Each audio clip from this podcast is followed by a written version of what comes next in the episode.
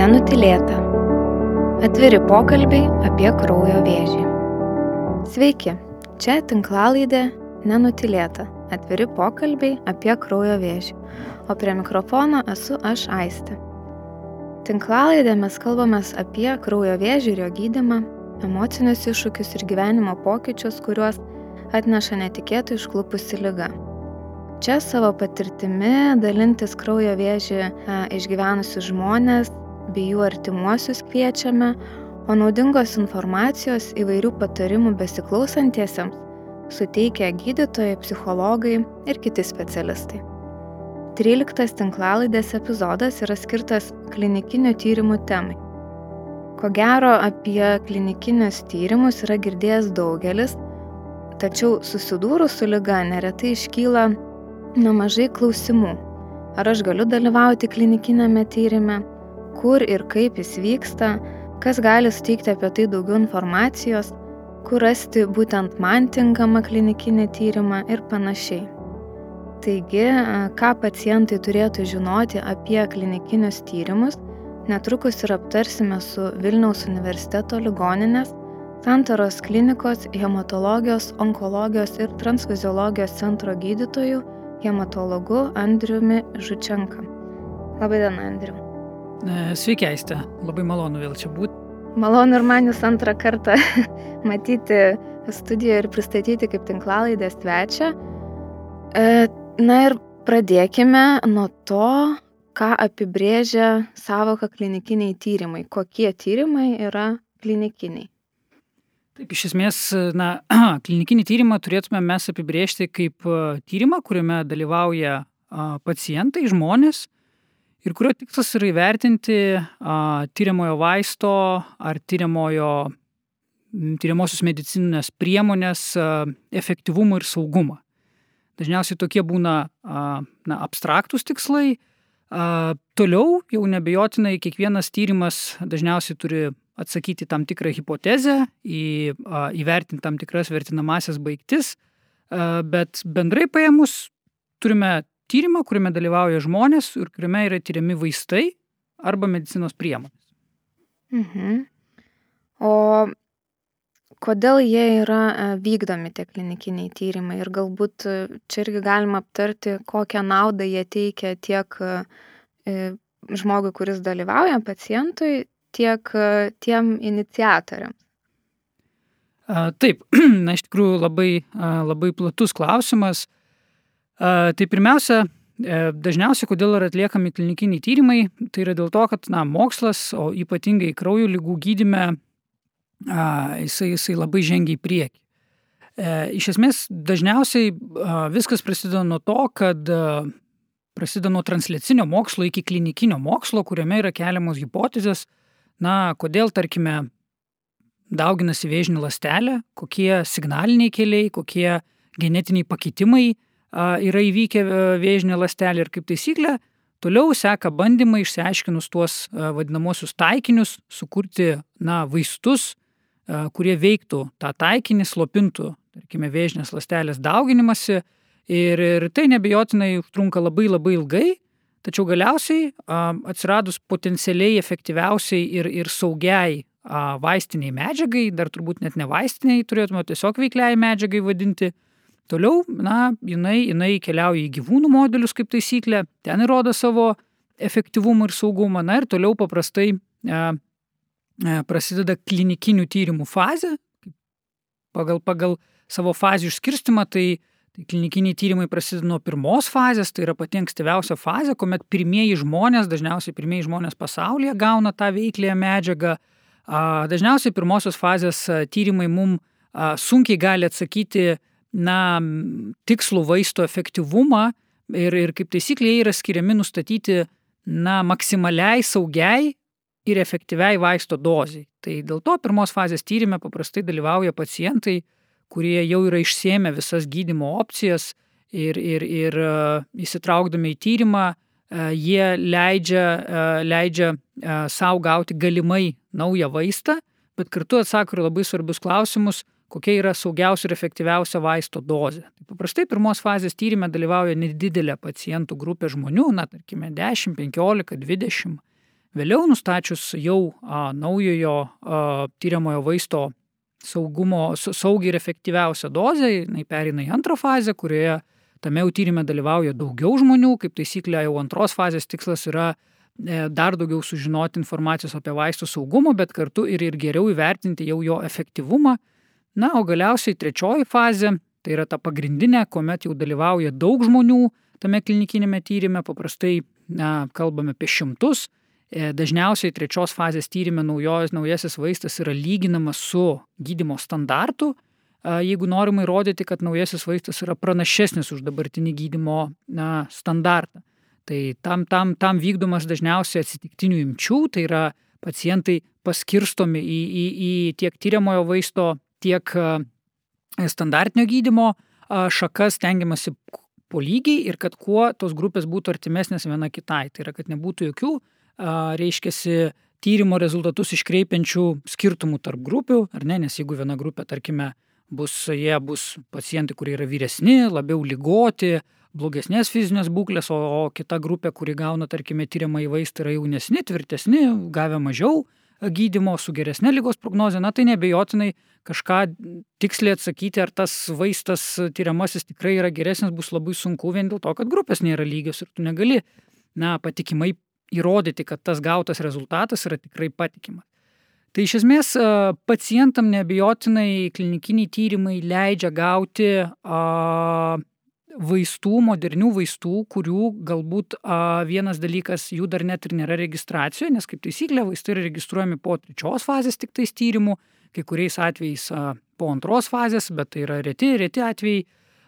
Bet iš esmės tai yra pacientam galimybė gauti moderniausią gydimą Ir a, neretai kai kuriais atvejais, kai skiriasi vaistų a, kompensavimai, nes kartais vaistas jau būna registruotas vienai lygai, tačiau yra duomenų, kad jisai taip pat veiksmingas ir kitai lygai, bet jis dar nėra kompensuojamas. Tai apie vaistą mes jau žinome daug, apie jo saugumo, apie jo efektyvumą iš, iš kitų lygų, tačiau dabar jis būtent tyrinėjimas, na, va, tarkime, prie umios mieloleukemijos. Tai nebejotinai, kai jau mes periname į trečią fazę, mes jau žinome apie antros fazės efektyvumą, mes jau žinome, tikrai tas vaistas panašu yra labai efektyvus, bet na, jisai nėra prieinamas, nes jisai nėra kompensuojamas būtent umemilo leukemijai. Tai vad klinikinis tyrimas iš tikrųjų leidžia pacientam gauti tą vaistą, net ir nesant na, kompensacijos turim arba galimybės gauti tą, tą vaistą, jo, jo įsigyti, reiškiasi, tarkime, kompensuojant. Tai, tai šitoj vietoj tai yra nebejotinai pacientam nauda gauti galimai efektyvesnį gydimą negu gydimo standartas, Kita labai svarbi dalis klinikinių tyrimų yra tai, kad tai yra a, galimybė pacientam, kurie jau yra išsiemę visas standartinės gydimo galimybės, toliau tęsti gydimą, bandyti vis dėlto pasiekti lygos pagerėjimą, remisiją, įsitraukiant į būtent mano minėtų naujų a, vaistų klinikinius a, tyrimus. Tai, na, iš esmės tai būtų tiesioginė nauda, tiesioginė nauda pacientam. E, kita vertus, e, iš tikrųjų klinikinių tyrimų yra be galo daug ir, ir, ir e, į viską reikia žiūrėti turbūt nusiemus tus rožinius sakinius. Tikrai praktikoje teko girdėti, pačiam gal neteko dalyvauti, bet tikrai teko girdėti klinikinių tyrimų, kurių, na, iš tikrųjų tas vadinamasis dizainas, tai yra kaip jis yra sudarytas, kelia, na, labai rimtų abejonių, dviejonių, dažniausiai dėl to, kad uh, tyriamajam vaistui ar tarkim tyriamajam vaistų deriniui palyginamoji pacientų šaka, jos gydimas toje šakoje yra, na, švelniai tariant, nestandartinis, o ko gero silpnesnis, prastesnis negu jau dabar esantis standartas. Tai nebejotinai yra, yra labai etinė dilema ir gydytojui, ar, ar, ar tu pacientui gali siūlyti tokį gydimą. Iš vienos pusės pacientas galbūt gaus vaistą, kurio efektyvumu galbūt mes labai ir nedvėjojame, arba bent jau na, neturime didelių klaustukų, kad tikrai jis yra prastas tas vaistas, bet iš kitos pusės, jeigu pacientas, tarkime, kadangi dažniausiai būna atsitiktinių imčių eminiai, e, tyrimai, e, gydytojas nežino, į kurią šaką paklius pacientas. Ir tokiu atveju galimai pacientas gali pakliūti į tą kontrolinę vadinamąją standartinio gydimo šaką, kurioje tas gydimas na, nėra iš tikrųjų toks standartinis, o jis yra prastesnis, gal jau pasenęs, gal per tą laiką, kol tyrimas buvo, reiškia, jo dizainas sukonstruotas, kol tyrimas prasidėjo, jau pasikeitė tas gydimo standartas. Ir tai iš tikrųjų yra labai svarbu, kad ne kiekvienas klinikinis tyrimas iš tikrųjų yra, jo, jo reiškia sandara iš tikrųjų yra optimaliai gera.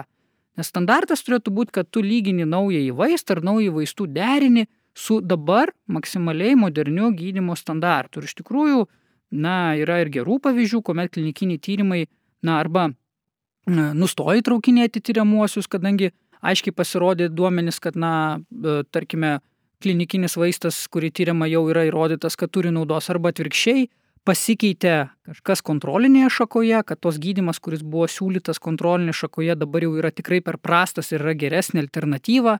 Tai, tai tikrai yra ir tų variantų, kai klinikiniai tyrimai adaptuojasi prie, prie aktualių pokyčių, bet, kaip sakau, visą laiką reikia, reikia pasižiūrėti ir su kritiškumu. Nebejotinai pacientam vertinti klinikinių tyrimų dizainą, na, tas vadinamasis šakas, vienos kontrolinės ir tyriamosios šakos gydimus, nu, yra tikrai labai sudėtinga. Dažniausiai iš tikrųjų tai, tai, yra, tai yra klausimas gydytojui, ar tai yra tikrai geras klinikinis tyrimas pacientui konkrečiojo jo situacijai. Tai, va. mm. tai turbūt atsakiau galbūt jūsų klausimą, tikiuosi. Daug čia suminėjot taip, ir kitų, taip, galbūt dar taip. ir vėliau pašnekėsim plačiau. Ir apie fazes tyrimų užsiminėte, tai jos ir yra trys, ar ne? Ar dar kažką galima pakalbėti apie tas fazes, ar, ar jau?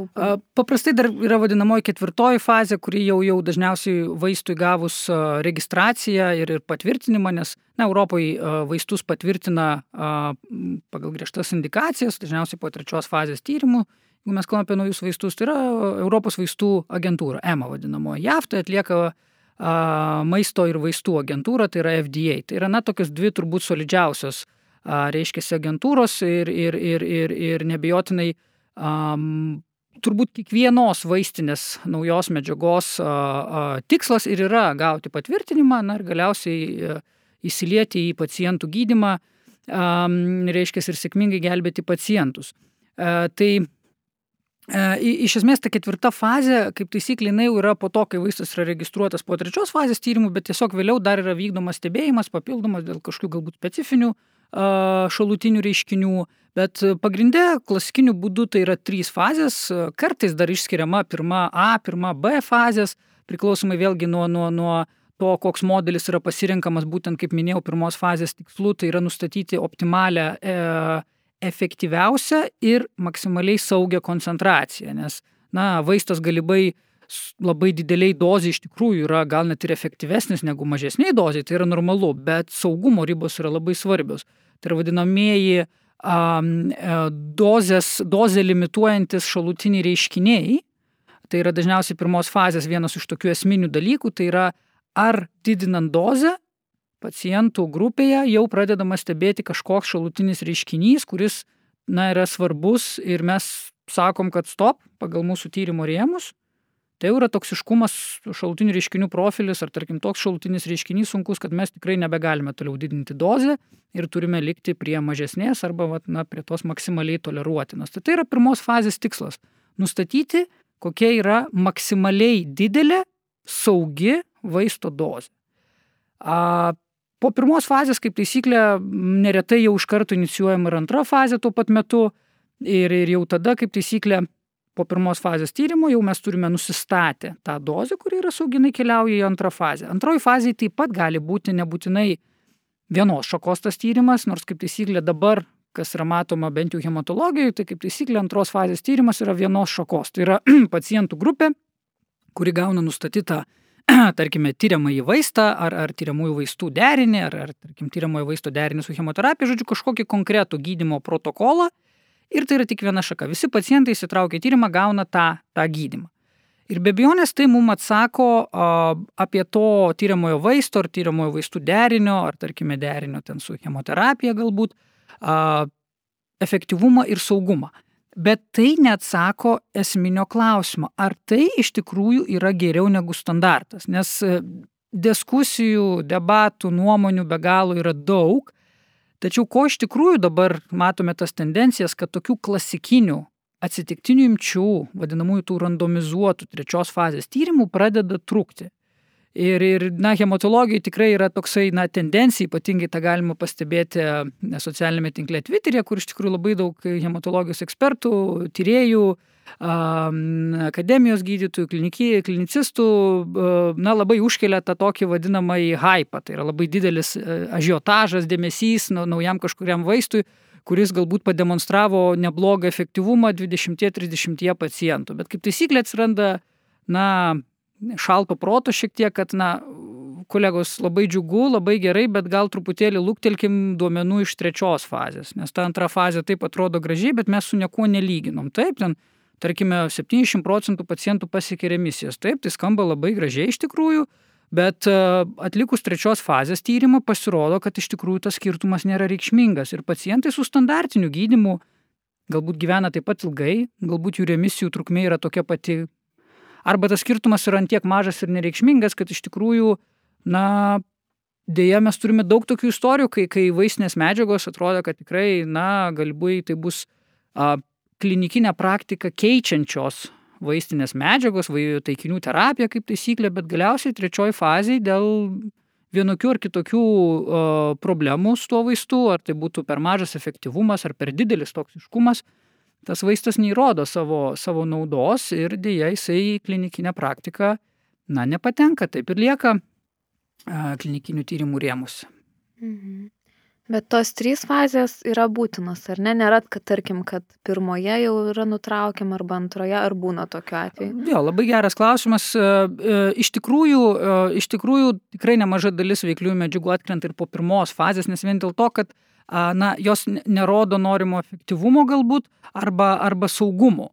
Tačiau, kaip taisyklė, pirma fazė įtraukia dažniausiai daug įvairių, daug įvairiomis lygomis sergančių pacientų. Aš turiu minį, tarkime, tikrai rasim ir klinikinių tyrimų, kuriame įtraukiami praktiškai visi limfomomis arba leukemijomis atspariomis visom gydymo eilėm įtraukiami pacientai. Reiškia, tai yra nu, labai plati pacientų grupė, nes lygų skirtumai tarp, tarp, tarp limfomų, leukemijų, jų genetikos, reiškia, jų biologijos, agresyvumų ir taip toliau yra labai labai platu.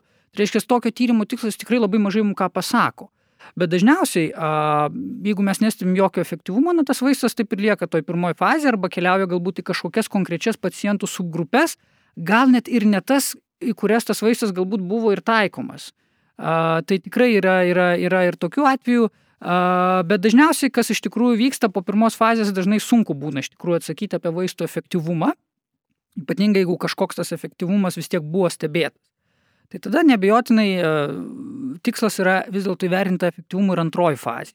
Tai, va, tai ta antra fazė turbūt yra vienas populiariausių. O, iš esmės iš tų visų trijų fazių tai turbūt dažniausias yra antros fazės tyrimai, kuomet yra tiesiog naujas tyriamasis vaistas, mes žinom apie jo na, saugumą, mes mažai ką žinom apie efektyvumą, bet na, vis dėlto tyriejų nuomonė, užsakovo nuomonė tai yra vaistas, na, kuris, kuris, kuris gali turėti savo, savo nišą, savo erdvę, pagerinti pacientam.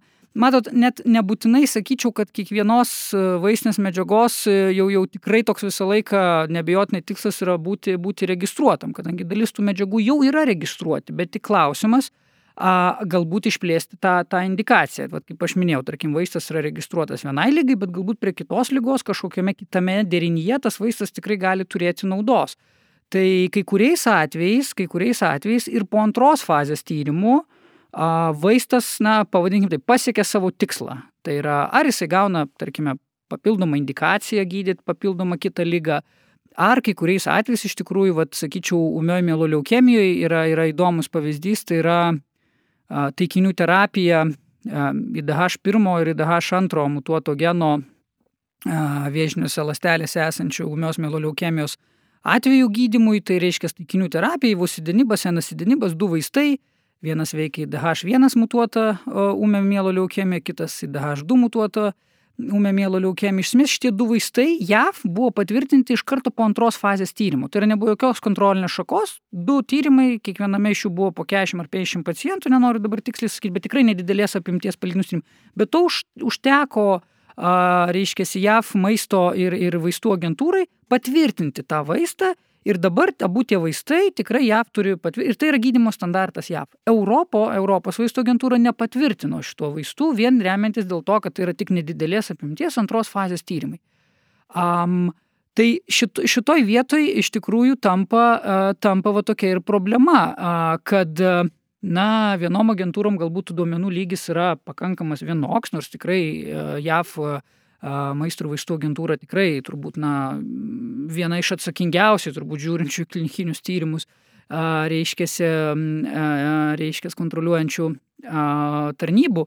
Tai va, va, va, Europo, Europos vaistų tarnybai agentūrai to nepakako ir, ir iš esmės dabar va, na, gana toksai išskirtinis atvejis, kai, kai vienas vaistas yra gydimo standartas už Atlanto, o Europoje aplamai jis net neturi jokios registracijos. Ir tai iš tikrųjų liūdina ir, ir netgi kai kuriais atvejais su kai kuriais pacientais mes pasikalbam, jeigu jums yra galimybė iš tikrųjų išvykti į šalį, kurioje šitie vaistai yra prieinami, nes na, mes turėjome vilties programų laikinai, Bet esmė, kad na, tiesiog na, bandyti įsitraukti arba klinikinį tyrimą, arba tiesiog netgi į standartinį gydimą toje šalyje, kur jau tie vaistai yra patvirtinti. Tai vat, ir, ir tokių scenarijų, ir tokių įdomių, a, sakyčiau, skirtumų tarp, tarp, tarp valstybių mes tikrai galime a, pamatyti, bet vėlgi čia šituo atveju gali tikrai pagelbėti tie vadinamieji klinikiniai tyrimai. Galbūt, na, nebūtinai Lietuvoje, bet galbūt kažkur Europoje vyksta klinikinis tyrimas su šitais vaistais antros, gal trečios fazės.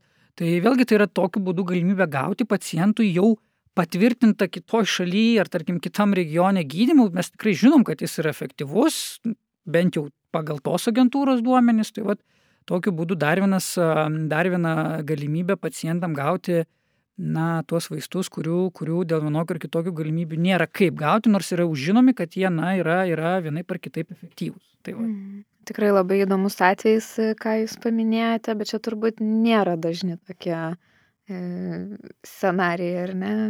Jo, šiaip da, dažniausiai, dažniausiai iš tikrųjų gana, gana lygiai greičiai eina ir, ir daug, yra savų niuansų, kur, tarkime, vieno vaisto skirimų indikacija šiek tiek yra kitokia negu, tarkime, už Atlanto, bet, e, bet esmė, kad, kad dažniausiai viskas yra panašu. Tai yra tie vaistai, kurie yra standartiškai naudojami na, Europos regione, paprastai jie taip pat yra naudojami ir JAV, bet va, tam tikrų skirtumų uh, atsiranda. Aišku, mes na, kalbame turbūt Lietuvos mastu tai yra apie pavienius pacientus, bet vis tiek tai yra, tai yra tikrai labai svarbu, nes, na, kalbant su pacientu ir, ir matant, kad, na, tu išsiemiai tas standartinės gydimo galimybės ir tu kaip ir žinai, kad kažkur pasaulyje yra tas vaistas ir jisai yra, na, toj vietoj prieinamas ir jis būtų standartas ir, ir ten dirbdamas gydytojas tokioje situacijoje net nedvėjodamas paskirtų tą vaistą, o čia tu esi, tarkime, pribotas, va, tokių, tokių va, na, pavadinkim, skirtumų tarp, tarp vaistų registravimo. Tai tas nebijonės labai labai trenkia per, per, per, per, na, turbūt ir, ir galvą, ir emocijas, ir, ir, ir, ir kaip ir norisi pagelbėti, ir tu žinai, kad yra tavo arsenalė teoriškai tas ginklas, bet, na, praktiškai, reiškia, tavo lankinė padėta po devyniais užaktais. Tai va, tai, tai O kiek laiko gali užtrukti vidutiniškai tas klinikinis tyrimas, ar galim kažkaip apibriežti? Jo, iš tikrųjų, na, paprastai tai jau būna suplanuojama tyrimo dizainė. Nes a, pats tyrimo planas arba ta vadinamoji, na, na tokia sinopsė dar iki protokolo, kai, kai, kai yra a, su, pagrindinis klinikinio tyrimo dokumentas yra klinikinis protokolas. Klinikinio tyrimo protokolas, kuriame iš esmės surašyta viskas ir visi veiksmai, visi scenarijai, ką mes numatome, kaip mes darysime ir, ir na, tai yra šventas gralis jau tyrėjų, tai yra klinikinio tyrimo protokolas. Bet dar iki klinikinio tyrimo protokolo parašymo jau yra numatoma vadinamoji sinopsė. Tai yra santrumpa, grubiai tariant, kokios, kokie mūsų, kokios mūsų bus intervencijos. Tai yra, ka, kuo mes gydysim, kokį vaistą mes tyriame, kokia bus kontrolinė šaka, kokie bus skaičiai vienoje kitoje šakoje, reiškia, kokia yra tyrimo gale, kokios mūsų vertinamosios baigtis. Viskas tas yra suplanuojama ir kartu suplanuojama, kokia ta a, preliminari tyrimo trukmė. Kaip taisyklė, tyrimai ne visą laiką suspėja į tą numatomą trukmę vien dėl to, kad kartais na, pacientų įtraukimas nevyksta taip, taip tokiu tempu, kokiu buvo tikėtasi. Tai a, viskas iš tikrųjų priklauso ir nuo fazės. Na, kaip suprantat, pirmos fazės tyrimai, nedidelis pacientų skaičius, dažniausiai tai yra plačios indikacijos, kaip minėjau, tai kaip taisyklė yra, pada, jie, jie vyksta gana greitai. A, Antra fazė, nebijotinai, kadangi pacientų skaičius yra didesnis, na, jinai trunka ilgiau. Na, ilgiausi tyrimai tai yra trečios fazės tyrimai, nes visų pirma, tai yra labai didelis pacientų skaičius. Čia nebijotinai dažniausiai dalyvauja net ne vienas centras, o, tarkime, kai kalbame apie kraujo lygų, tai, tai kartais ir visas regionas, tam tikros reiškiasi akademinės tyrimų grupės, na, va, tarkime, Santros klinikos, mūsų centras, jisai tikrai kartu dalyvauja su Olandų ir Belgų onkologijos tyrimų grupe, tai HOVON vadinamoji, tai ten yra iš tikrųjų didelė, didelė tyrimų tokia paletė, tai vad prie dalies tų tyrimų, kas liečia ūmę mielą leukemiją, mūsų centras irgi yra prisijungęs. Tai Tame toje grupėje dalyvauja tikrai ne vien belgai ir olandai, bet ir skandinavų šalis, Vokietija, Lenkija, Lietuva, Estija. Tai yra, na, va, toks regioninis netgi bendradarbiavimas, nes, kaip taisyklė, trečios fazės tyrimai nebejotinai įvykdomi būtent per, per, per tokias didelės jau, jau tyrimų grupės, na, kadangi tai leidžia atlikti tos daugiacentrius tyrimus, reiškia, ypatingai kalbam apie retas lygas, tokias kaip kraujo lygas. Ir, ir tyrimai iš tikrųjų trunka metų metus. Reiškiasi, kodėl taip yra? Nes dažniausiai vertinamosios baigtys trečios fazės tyrimuose yra bendras išgyvenamumas. Tai yra na, pagrindinė ta vertinamoji baigtis, nes antros fazės kartais vertinamosios baigtis būna, na, laikas iki atkričio, remisijų skaičius, tai yra tai, ką iš tikrųjų mes gana greitai galime pasiekti tas vertinamasias baigtis ir jau iš esmės daryti statistinę analizę, tikrinti mūsų hipotezės, ar ne? Tai, tai tarkime, trečios fazės tyrimė, ta vertinamoji baigtis, jinai na, yra bendras išgyvenamumas, kaip taisyklė, yra reikalingas stebėjimo laikas. Tai nebejotinai priklausomai be abejo nuo lygos, nuo, nuo, nuo pacientų grupės, tas stebėjimo laikas gali būti įvairus, bet kai mes kalbame apie kelius šimtus pacientų vieno ar kitoj šakoj, tas stebėjimo laikas nebejotinai būna ilgas, apie kelis metus. Ir dėl to paprastai tokie tyrimai trunka, trunka tikrai ne vienus ir ne dviejus metus, dažniausiai tris, kai kuriais atvejais ir ilgiau metus. Ir net po to iš karto mes nieko negalime pasakyti. Iš esmės tikslas yra, na, kad į tyrimą įsitrauktų mūsų tikslinis pacientų skaičius, kuris yra paskaičiuotas pagal tyrimo galę, koks yra reikalingas, kad atsakyti, ar yra statistiškai reikšmingas skirtumas, tarkime, tarp bendro išgyvenamumo lyginant dvi grupės. Nes pagal statistinius modelius iš esmės galima numatyti, kiek pacientų mums reikės įtraukti į vieną ir kitą šaką, kad mes pamatytumėm, kad vienoj šakos, vienos šakos gydimas yra pranašesnis už kitos šakos gydimą, remiantis tuom, kad pacientai pirmoje šakoje gyvena ilgiau negu antroje. Tai tai leidžia atsakyti tyrimo gale, reiškia, ir tokiu būdu e, nustatyti, kiek mums reikia pacientų pagal tą galę įrodyti mūsų hipotezį, nes apsibrėžiam tam tikrą skirtumą, ką mes, kiek mes norėsime įrodyti, reiškia, kad pacientai gyvena ilgiau, ar tarkime, koks remisijų dažnis yra procentaliai didesnis vienoje šako ar kitoje, tu suformuoji tą hipotezę ir pagal tai tu paskaičiuoji, kiek tu reiks pacientų statistiškai patikimai įrodyti, ar ta hipotezė tikrai yra Reiškia, ar yra taip, ar dėja yra kitaip.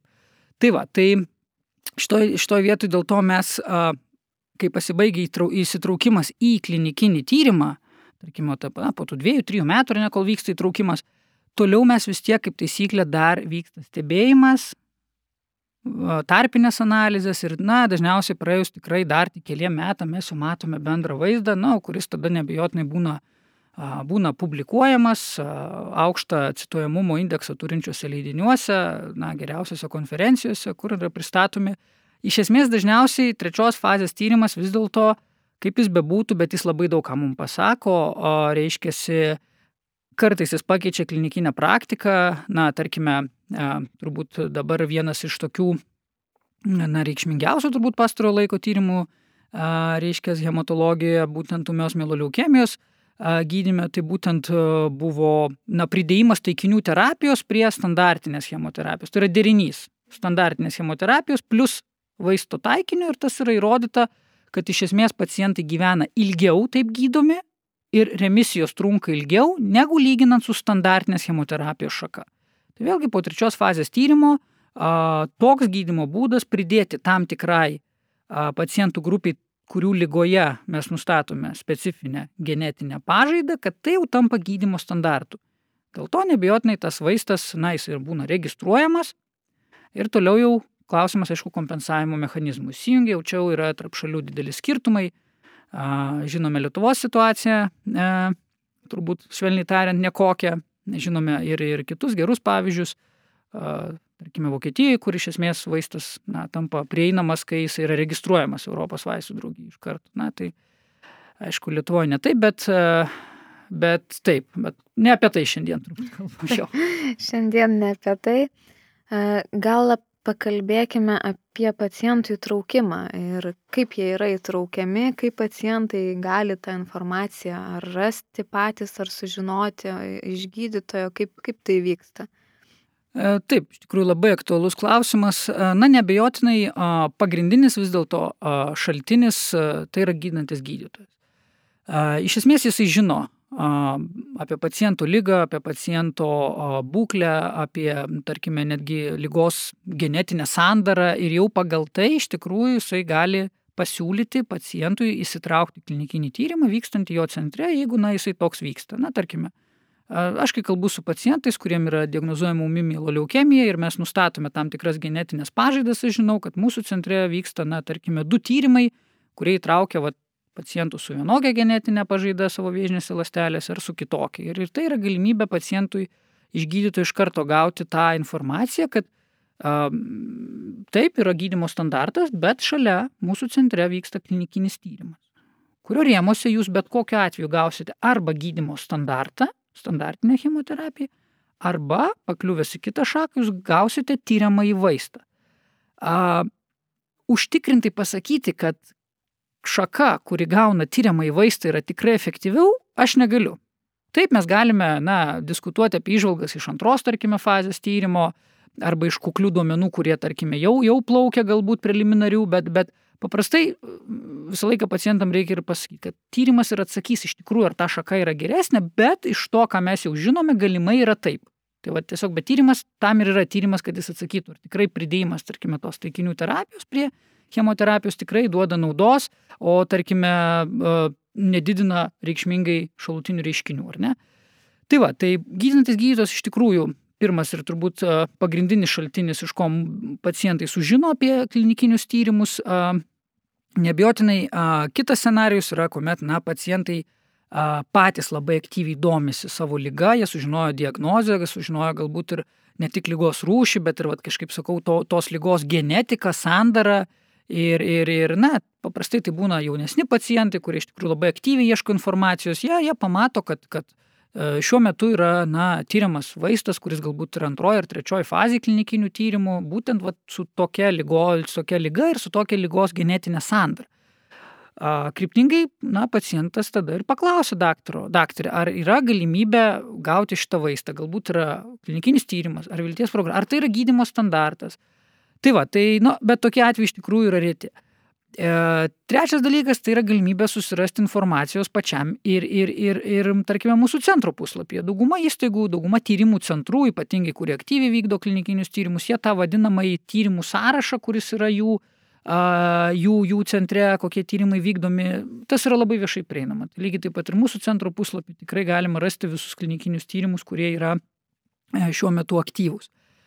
Um, turbūt e, dar viena opcija, kaip e, turbūt pacientai gali sužinoti, tai yra, na, taip sakant, iš artimųjų, draugų, mūsų tinklalaidės. Tai vat, e, iš tikrųjų tai yra informacijos klaida dabar yra tikrai, tikrai labai labai plati. Ir kitas nebejotinai dalykas, tai yra galbūt, norėčiau akcentuoti, kad klinikiniai tyrimai, jeigu jie nevyksta tarkime, mūsų šalyje, tai nereiškia, kad mūsų šalies žmonės, pacientai mhm. negali įsitraukti į užsienyje vykstančių. Bet irgi norėjau klausti. E, mhm. Taip. Galima tiesiog irgi čia šiek tiek paplėtoti, kaip yra su, su Lietuva, kiek čia tų tyrimų vyksta ir kaip galima dalyvauti, jeigu Lietuvoje nevyksta. Taip. Tai, na, iš tikrųjų esame tikrai, na, nedidelė šalis. Reiškia, na, mūsų centras tikrai stengiasi pritraukti klinikinių tyrimų tam, kad mūsų pacientai galėtų tikrai gauti patį, patį moderniausią gydimą. Ir, kaip sakau, neretai, kai kuriais atvejais netgi ta vadinamoji, kaip aš minėjau, kontrolinė šaka standartinio gydimo yra iš esmės pranašesnė negu tai, kas yra Lietuvoje prieinama. Tai tokiu atveju pacientas, na, į kurią šaką jisai nepakliūtų, tyriamojo vaisto, kuris tikėtina arba bent jau norim įrodyti, kad yra geresnis, prieš standartinio gydymo šaką, kurias nepakliūtų, jis gaus iš esmės ko gero geresnį gydimą, negu jis gali gauti Lietuvoje. Tai yra ir tokių scenarių. Reiškia, bet, um, bet uh, turbūt vis dėlto jo turime suprasti, kad, kad uh, tas mūsų klinikinių tyrimų arsenalas, na, nėra jisai toks, toks, toks didelis. Ir tokiu atveju nebejotinai yra klausimas, ar yra galimybė dalyvauti užsienyje, tarkime, klinikinėme tyrimė ir tai itin aktualu tiem pacientams, na, tarkime, kurie jau išnaudojo standartinio gydimo galimybės. Ar ne, yra tokioje situacijoje, kurioje dėja, bet, na, tarkime, Lietuvos galimybės net ir vertinę visas vilties paramos programos, tai vėlgi mūsų centras labai aktyviai ties tuo dirba ir iš esmės gydytojai tikrai na, savo laisvo laiko, reiškia, kainą žiūri, stebi, skaito, domisi, ar galbūt tokioje situacijoje yra kažkokių klinikinės patirties atvejų, gal yra vaistų, kurie yra prieinami per nebūtinai klinikinius tyrimus, bet vadinamasis vilties paramos programas ar iš ankstinio e, prieinamumo e, programas, tai yra būtent tose situacijose, kuomet vaistai yra klinikinių tyrimų fazėse, tarkim antroji, gal trečioji fazė, bet dar, dar nėra registruoti. Arba, arba laukiama registracijos, arba neseniai tik gavo registraciją ir dar veikia tos paramos programos likusios nuo, tarkim, antros, trečios fazės. Tai tai yra, e, vėlgi, tai yra, tai yra labai svarbu e, įvertinti tikrai visas galimybės, bet jeigu yra jau toks scenarius, kad mes išnaudojam viską, viską, visas standartinės gydymo opcijas, galbūt ir išnaudojam ir iš vilties ar paramos ar ankstyvo prieinamumo programų gautus modernius vaistus, Tačiau mes žinome, iš tikrųjų žinome, kad, kad na, vat, yra, yra, yra vaistų grupė ar yra vaistas, kuris na, rodo galbūt tik pirmoji dar fazė ir tik na, antros fazės nedidelėme, didelės apimties tyrimė, kad įrodė gerą efektyvumą. Ir būtent tokioj pacientų grupiai, kurioje yra dabartinis, tarkime, mūsų pacientas, su kuriuo mes kalbame, e, tikrai galime e, klinikinių tyrimų registruose, e, vienas pagrindinių yra clinicaltrials.gov, tiesiog pasižiūrėti, ar dabar šiuo metu pasaulyje yra registruotas kažkur klinikinis tyrimas, kuris vat, būtent tokioj klinikiniai situacijai vertina tą vat, efektyvų į vaistą. Tai um, kitas, kita opcija iš tikrųjų uh, vis tiek pasaulis globalus, uh, hematologai linkia bendrauti tikrai ir parašom ir, ir, ir visiškai gyvenime nematytėm, negirdėtėm ekspertam tiesiog laišką pastirauti ir dažnai sulaukiusi atsakymo jų nuomonės, tarkime. Tai lygiai taip pat ir čia yra galimybė pačiam susirasti klinikinį tyrimą, kuris galbūt vyksta netoli, netoli aš turiu minį dažniausiai Europą, kaip taisyklė, tai vakarų Europą dažniausiai pagrindinės šalis tai yra Vokietija, Olandija, ja, Junktinė karalystė, Ispanija, Italija ir Prancūzija. Turbūt tokios, kuriuose iš tikrųjų tas tyrimo arsenalas yra didžiausias. A, nebejotinai a, didžiausia, buvau pati didžiausia ir, ir pati didžiausia ankstyvųjų pirmos, antros fazės tyrimo arsenalą tai turi Junktinės Amerikos valstijos. Bet čia yra niuansų. E, iš esmės, dalyvauti klinikinėme tyrimė e, netrukdo tai, kad tu esi kitos šalies pilietis ar netgi kito žemynų pilietis. Tik viskas susideda vis dėlto į tai, kad, na, e, nebijotinai klausimas, kaip patekti šalį ar ne, vizos, visi tie popierizmai kaip ir bet kuriam kitam žmogui, bet, bet kaip įsitraukti į tyrimą, iš esmės čia jau yra derinimas dažniausiai tarp gydančio gydytojo ir tyrėjo vykdantį tą tyrimą. Tai man iš patirties teko bendrauti su um, ne vienu tyriejų iš, iš um, Teksaso Houstono MD Andersono vėžio centro, iš esmės, na, tokio kaip ir uh, laikytumėm geriausio pasaulio vėžio gydymo centro. Na, tiesiog su tais ekspertais uh, suderinti visas detalės dėl pacientų atvykimo. Nebejotinai reikia suprasti, kad uh, iš esmės klinikinio tyrimo rėmose dažniausiai yra apmokamas tik tais tyriamasis vaistas, nu ir gal uh, su tyrimu grinai susijusios procedūros, bet pats gydimas, pats gyvenimas toje šalyje e, to neapmoka. Ir dėja, tai yra dažniausiai pagrindinė priežastis, dėl ko na, pacientam būtų sunku įsitraukti į klinikinį tyrimą užsienyje. Bet, na, aišku, Europoje ta situacija yra na, vis dėlto kiek, kiek, kiek parankesnė, ypatingai kainų atžvilgių. E, tai, bet sakau, turėjau, turėjau patirties ir JAV, kai buvo mūsų jaunai pacientai galimybė išvykti klinikinį tyrimą, dalyvauti, nes tikrai viskas tik įmanoma ir dar daugiau turbūt buvom padarę čia Lietuvoje ir, ir na, tikrai ta sėkmės istorija buvo, buvo publikuota ir va, tai turbūt ir yra tas toksai, na, pavyzdys, kaip iš tikrųjų galima a, nenuleisti rankų, kur atrodo tikrai nebėra kaip jų pakelti, bet a, Bet uh, susisiekus, reiškia, su tais ekspertais, suderinus pacientės atvykimą, patikslinus tikrai visas detalės, nes esmė yra e, kita. Jūs minėjot, kaip įsitraukti klinikinį tyrimą. Tai kai jau tu sužinai apie klinikinį tyrimą, kitas klausimas, ar tu tinki klinikiniam tyrimui. Tai va tie vadinamieji įtraukimo ir atmetimo kriterijai yra esminis dalykas, kuris būna parašytas, kaip aš minėjau, aukso gralyje tyrėjo, tai yra reiškia, jo klinikinio tyrimo protokolį. Ir tai yra labai griežtai. Pacientas turi atitikti visus įtraukimo kriterijus, iš esmės, kurie yra parašyti pagal protokolą, kad jisai įsitrauktų ir neturi turėti atmetimo kriterijų. Tai na, nebejotinai pacientui siūlyti, tarkime, vykti į kitą šalį ar kitą žemyną, a, bandyti įsitraukti į klinikinį tyrimą, kai akivaizdžiai tu matai, kad jis atitinka kažkur, jis turi kažkurį atmetimo kriterijų, ar ne, na, turime, turime, turi antrą navikinę lygą dėja, ar, ar, ar jo širdies ar inkstų veikla yra tokia prasta ir mes nesitikim, kad neatsistatys nuvykusiam į kitą šalį, ar ne, nu, nu, jisai negalės būti įtrauktas į tą klinikinį tyrimą. Tai čia irgi yra na, toks a, racionalumas, kad tų pacientų, jeigu tu tikrai, jeigu gydantis gydytojas, ne, kaip taisyklė čia įsijungia ir artimieji, visi su tuo pradeda aktyviai a, a, dirbti, pavadinkim taip, paciento įstraukimo į klinikinio tyrimo projektų, bet e, gydytojas tikrai turi įvertinti tą faktą prieš siūlydamas jam vykti kitą šalį įstraukti, ar, ar tikrai pacientas atitinka. Tai va čia vėlgi yra a, svarbus niuansas įtraukimo atmetimo kriterijai. Kartais pacientai klausia, o kodėl aš nebuvau įtrauktas į klinikinį tyrimą? Arba, arba reiškia, kodėl kaimynas palatui gauna tyrimą į vaistą, o aš gaunu kažkokią standartinį gydymą. Tai va čia reikia irgi suprasti, kad klinikiniai tyrimai, į klinikinį tyrimą neįtraukiami visi. Ir vien noro neužtenka. Taip, taip, noras yra gerai, bet, bet dėja, bet klinikiniai tyrimai, na, kaip taisyklė, turi savo, e, savo ribas, nes vėlgi, a, na, paprastai, na, sunkiausios būklės pacientai, turintys daug, daug labai gretutinių lygų, kurių iš tikrųjų gydimo rezultato sėkmė turbūt bet, ką, bet kokį gydimą skiriant yra labai menka. Paprastai tokių pacientų klinikinius tyrimus nu, negalime įtraukti dėl atmetimo o, kriterijų. Tai na, mes visą laiką taip klinikiniai praktikoje pasijokėm, nu, va, jau klinikinis tyrimas, tai aišku bus labai atrinkti pacientai. Tai yra sveikiausi, reiškia, neturintis ne vieno atmetimo kriterijaus, žodžiu, ne vienos bėdos ir, ir turi būtent va, tiksliai tą lygą ir, žodžiu, yra tinkamai įstraukti klinikinį tyrimą. Taip, tai yra kitas, kitas niuansas, kaip aš sakau, vėlgi nusiemus rožinius sakinius. Dažniausiai atkartoti klinikinio tyrimo rezultatus realiame pasaulyje, tai yra pasiekti, tarkime, tokį išgyvenamumą ar tokį, tokį remisijų skaičių, ar tokį mažą šalutinių reiškinių skaičių dažniausiai nepavyksta.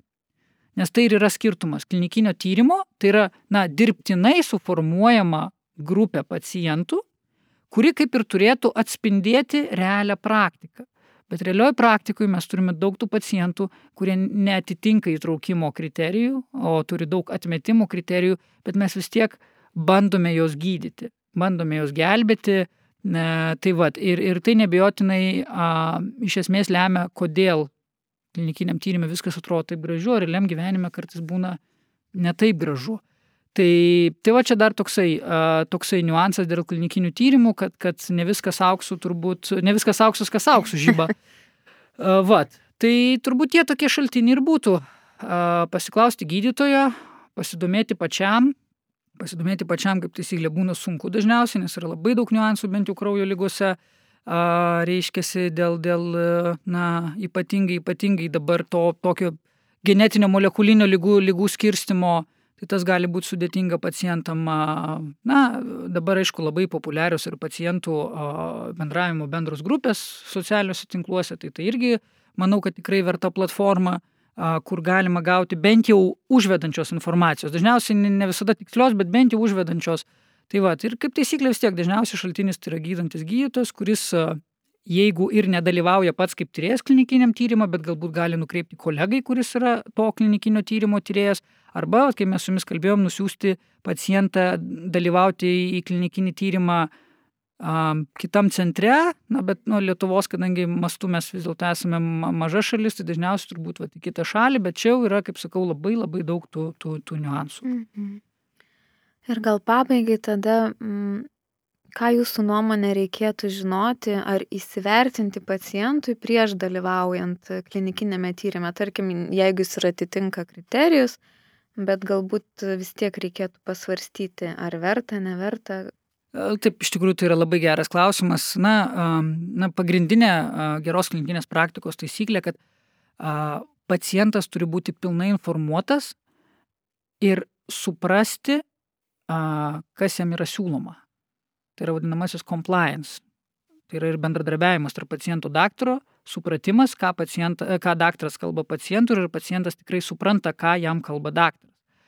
Tai iš tikrųjų visą laiką, ką aš rekomenduoju pacientui, su kuriuo aš kalbu, siūlant jam įsitraukti klinikinį tyrimą, tai yra esminiais žodžiais tu paaiškini jam klinikinio tyrimo esmę, kuom pacientas serga, kokia yra dabartinė situacija, kokios yra standartinio gydymo opcijos, kuom klinikinis tyrimas skirsis nuo standartinės praktikos, galbūt visai kitoks gydimas vienoj šakoj be chemoterapijos, o kita šaka yra chemoterapija.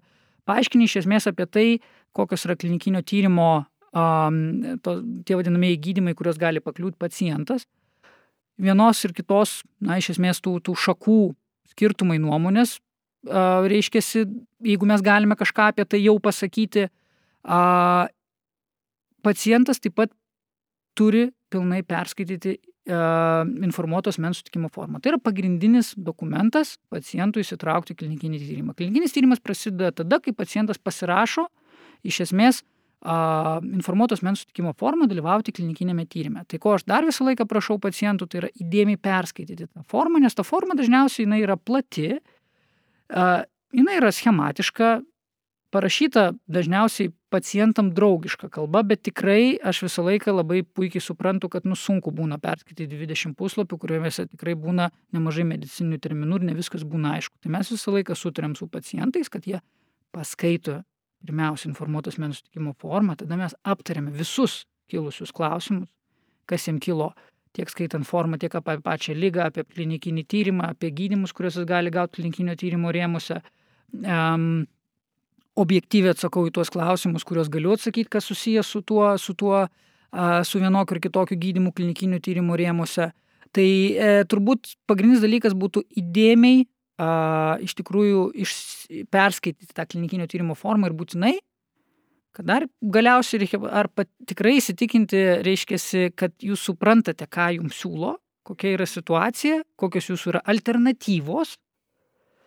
Reiškia, ar jūs galėsite bet kada nutraukti dalyvavimą klinikinėme tyrimė, nes taip dažniausiai ir yra, kad klinikinio tyrimo dalyvavimas, kai tyriamasis pacientas bet kada, bet kuriuo metu gali atsisakyti dalyvauti klinikinėme tyrimė, tas irgi yra svarbu. Ir kaip taisyklė, aš dažniausiai paprašau pacientų, na, trumpai savo žodžiais paaiškinti, ką jūs supratot iš to, ką aš dabar vat, pasakiau.